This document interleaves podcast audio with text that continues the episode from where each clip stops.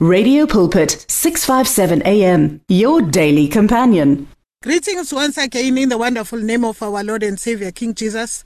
We thank the presence of the Holy Spirit in our midst as we greet all listeners at Radio Pulpit ngegama lika Jesu. Ah, siyabona ukuthi tomorrow eh i-date yakusasa yi16 eh zika zika June eh ilanga eli important eh elok recognize abasha bethu and we thank God that not a lot of countries have set aside the day to celebrate their young people we only hear about Mother's Day, we only hear about Father's Day, we only hear about Workers' Day, and all other days, but not Youth Day. Manje ekuseni kwanamhlanje as a young people we, we rem you must remember this ngoba izwi kaNkuluNkulu liyakukhumbuza lapha uma sifunda lapha kuba chapter 12 lifunda ngomuntu likhuluma ngawe umuntu omusha.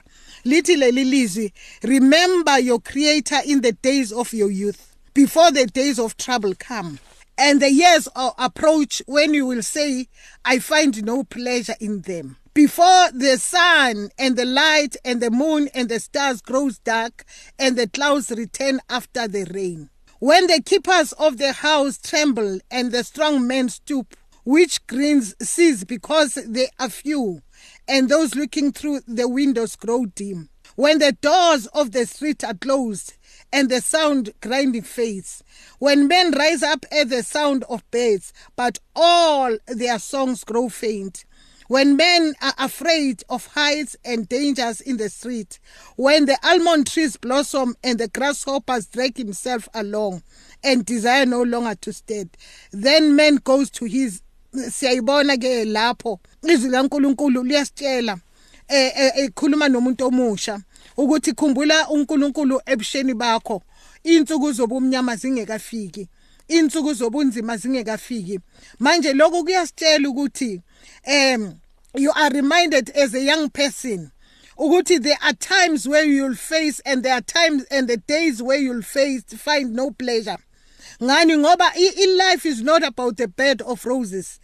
We thank God ukuthi noma i-life is not about the, the bed of roses but uNkulunkulu has given us his word ukuthi manje sikwazi ukuface i-life and and nani you are so fortunate ukuthi we still sishumayela uh, uh, ivangeli we still encourage you as young person as young people. Manje is unlike uma sibheka izwi kaNkuluNkulu ukuthi kwaba khona abangazange babe nethuba wena musha olitholayo ngoba uma silifunda izwi likaNkuluNkulu lapho kubahluleli kuJudges chapter 2 eh sifunda uverse lento wakhona sifunda uverse 10 wakhona lithi leli lizwi kuJudges chapter 2 kuverse 10 wakhona After that whole generation had gathered to their fathers, another generation grew up who knew neither the Lord nor what he had done. Manje siyabona ukuthi kwaba khona isikhathi abasha bakwaIsrayeli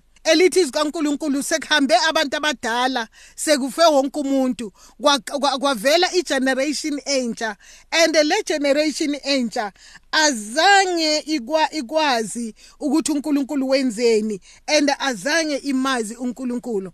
And esikhumbule ukuthi uh, it means it was difficult for them. Ngaba why they were living among abantu abangazange basuswa ekwakudingeka ukuthi babulewe basuswe. And yet izwi likaNkuluNkulu eh uma sifunda kumahubo 145 kuverse 4 lithi let the generation tell another generation. Manje it means they were not told kodwa izikaNkuluNkulu lithi let the generation tell another generation. Bese kuverse 17 wakhona lithi i will cause your name to be remembered in all generation. uDavide loyo othi i will cause your name to be remembered in all generation. Manje ekseni kwanamhlanje i would like to say we are here to tell another generation singabantu abadala because God is the God of the generation.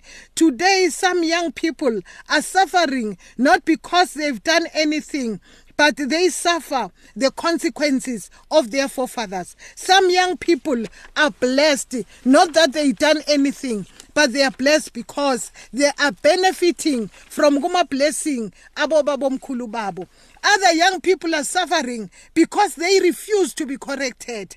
And izwi kaNkuluNkulu ku Proverbs 3 ku verse 11 says my son do not despise the Lord discipline and do not resent his rebuke because the Lord discipline those he loves as a father son he delights in. Manje eh, eh, siyathola ukuthi other young people when they are corrected they have a tendency yokuthi besingekho ebusheni bakho. And yes bebengekho ebusheni ba ba bethu ba right but it means uma bebengekho lapho it means we know i life better because we've been there before them.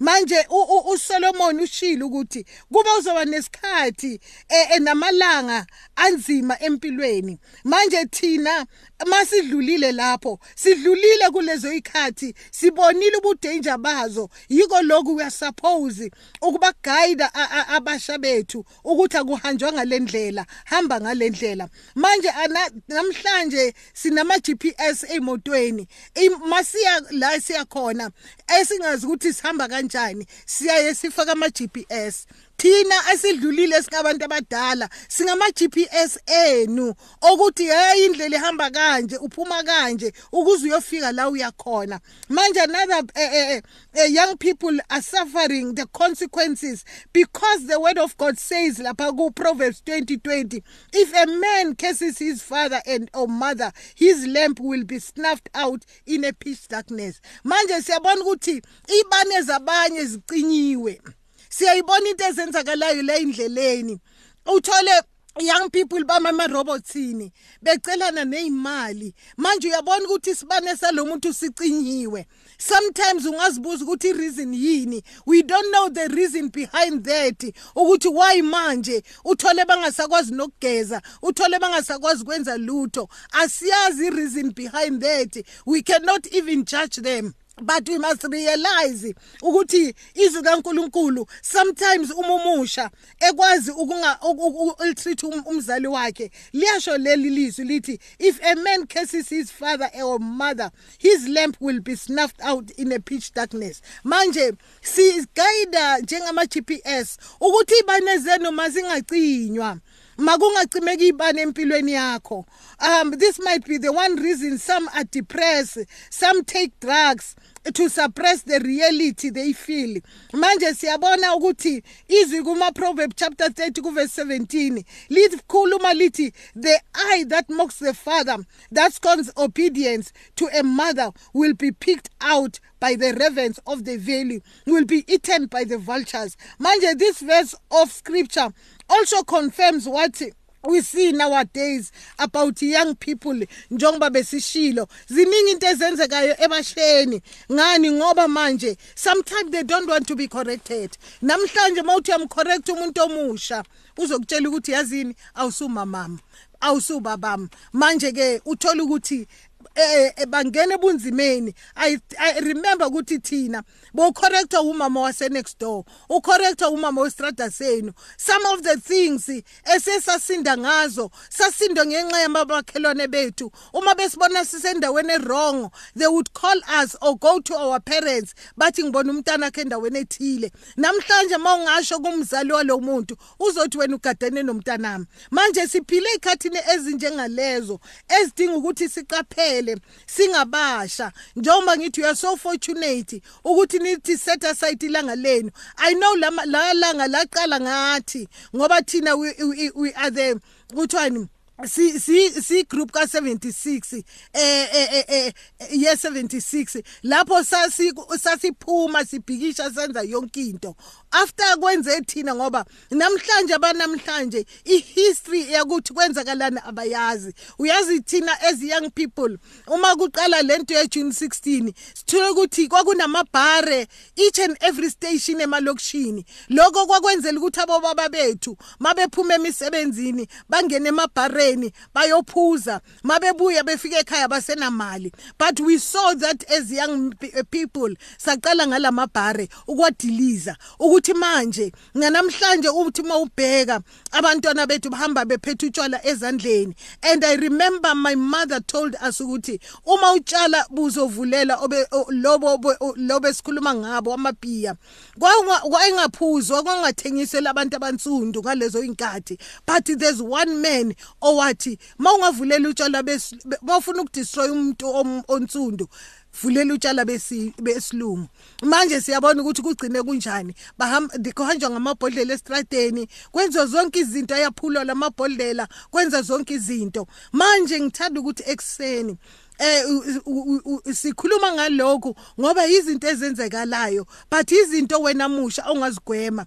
Ngani? Namhlanje wenza izinto wazi ukuthi abazali bakho abazithandi. Ngani? Ngoba u want to please a friend. Manje ekseni kwanamhlanje ngithanda ukuthi ke manje there is a turnaround. Kuyo yonke lento eyenzakalayo namhlanje. Unamandla ukuthi ujike wenze something else. Ngani? Ngoba sibona umfana la ezwini kaNkuluNkulu lapha kwi Numbers chapter 25 eh igama lakhe eh kwakungufinyas lo lo mfana wenza i turnaround eh kwi generation yakhe elithi izikaNkuluNkulu masifunda. From verse uh, uh, Numbers 25 verse 1 to 18 lithi leli lizwi while the Israelites staying in Shittim the men began to indulge in a sexual immorality with the Moabite women who invited them to sacrifice their god to their gods the people ate and bowed down before those gods. So Israel joined in worshipping the, the Baal of Pu, and the Lord's anger burned against them. The Lord said to Moses, Take all the leaders of those people, kill them and eh, expose them in broad daylight before the Lord, so that the Lord's fierce anger may turn away from them. So Moses said to Israelite judges, Each one of you must put death to, to those men who have joined in worshipping the Baal of Pu. Then the Israelite men brought to his family a Midianite woman right before the eyes of Moses and the whole community. Uyabona ukuthi kwakhona ohlongandlebe owathi noma yazi ukuthi ayenziwa wabaletha before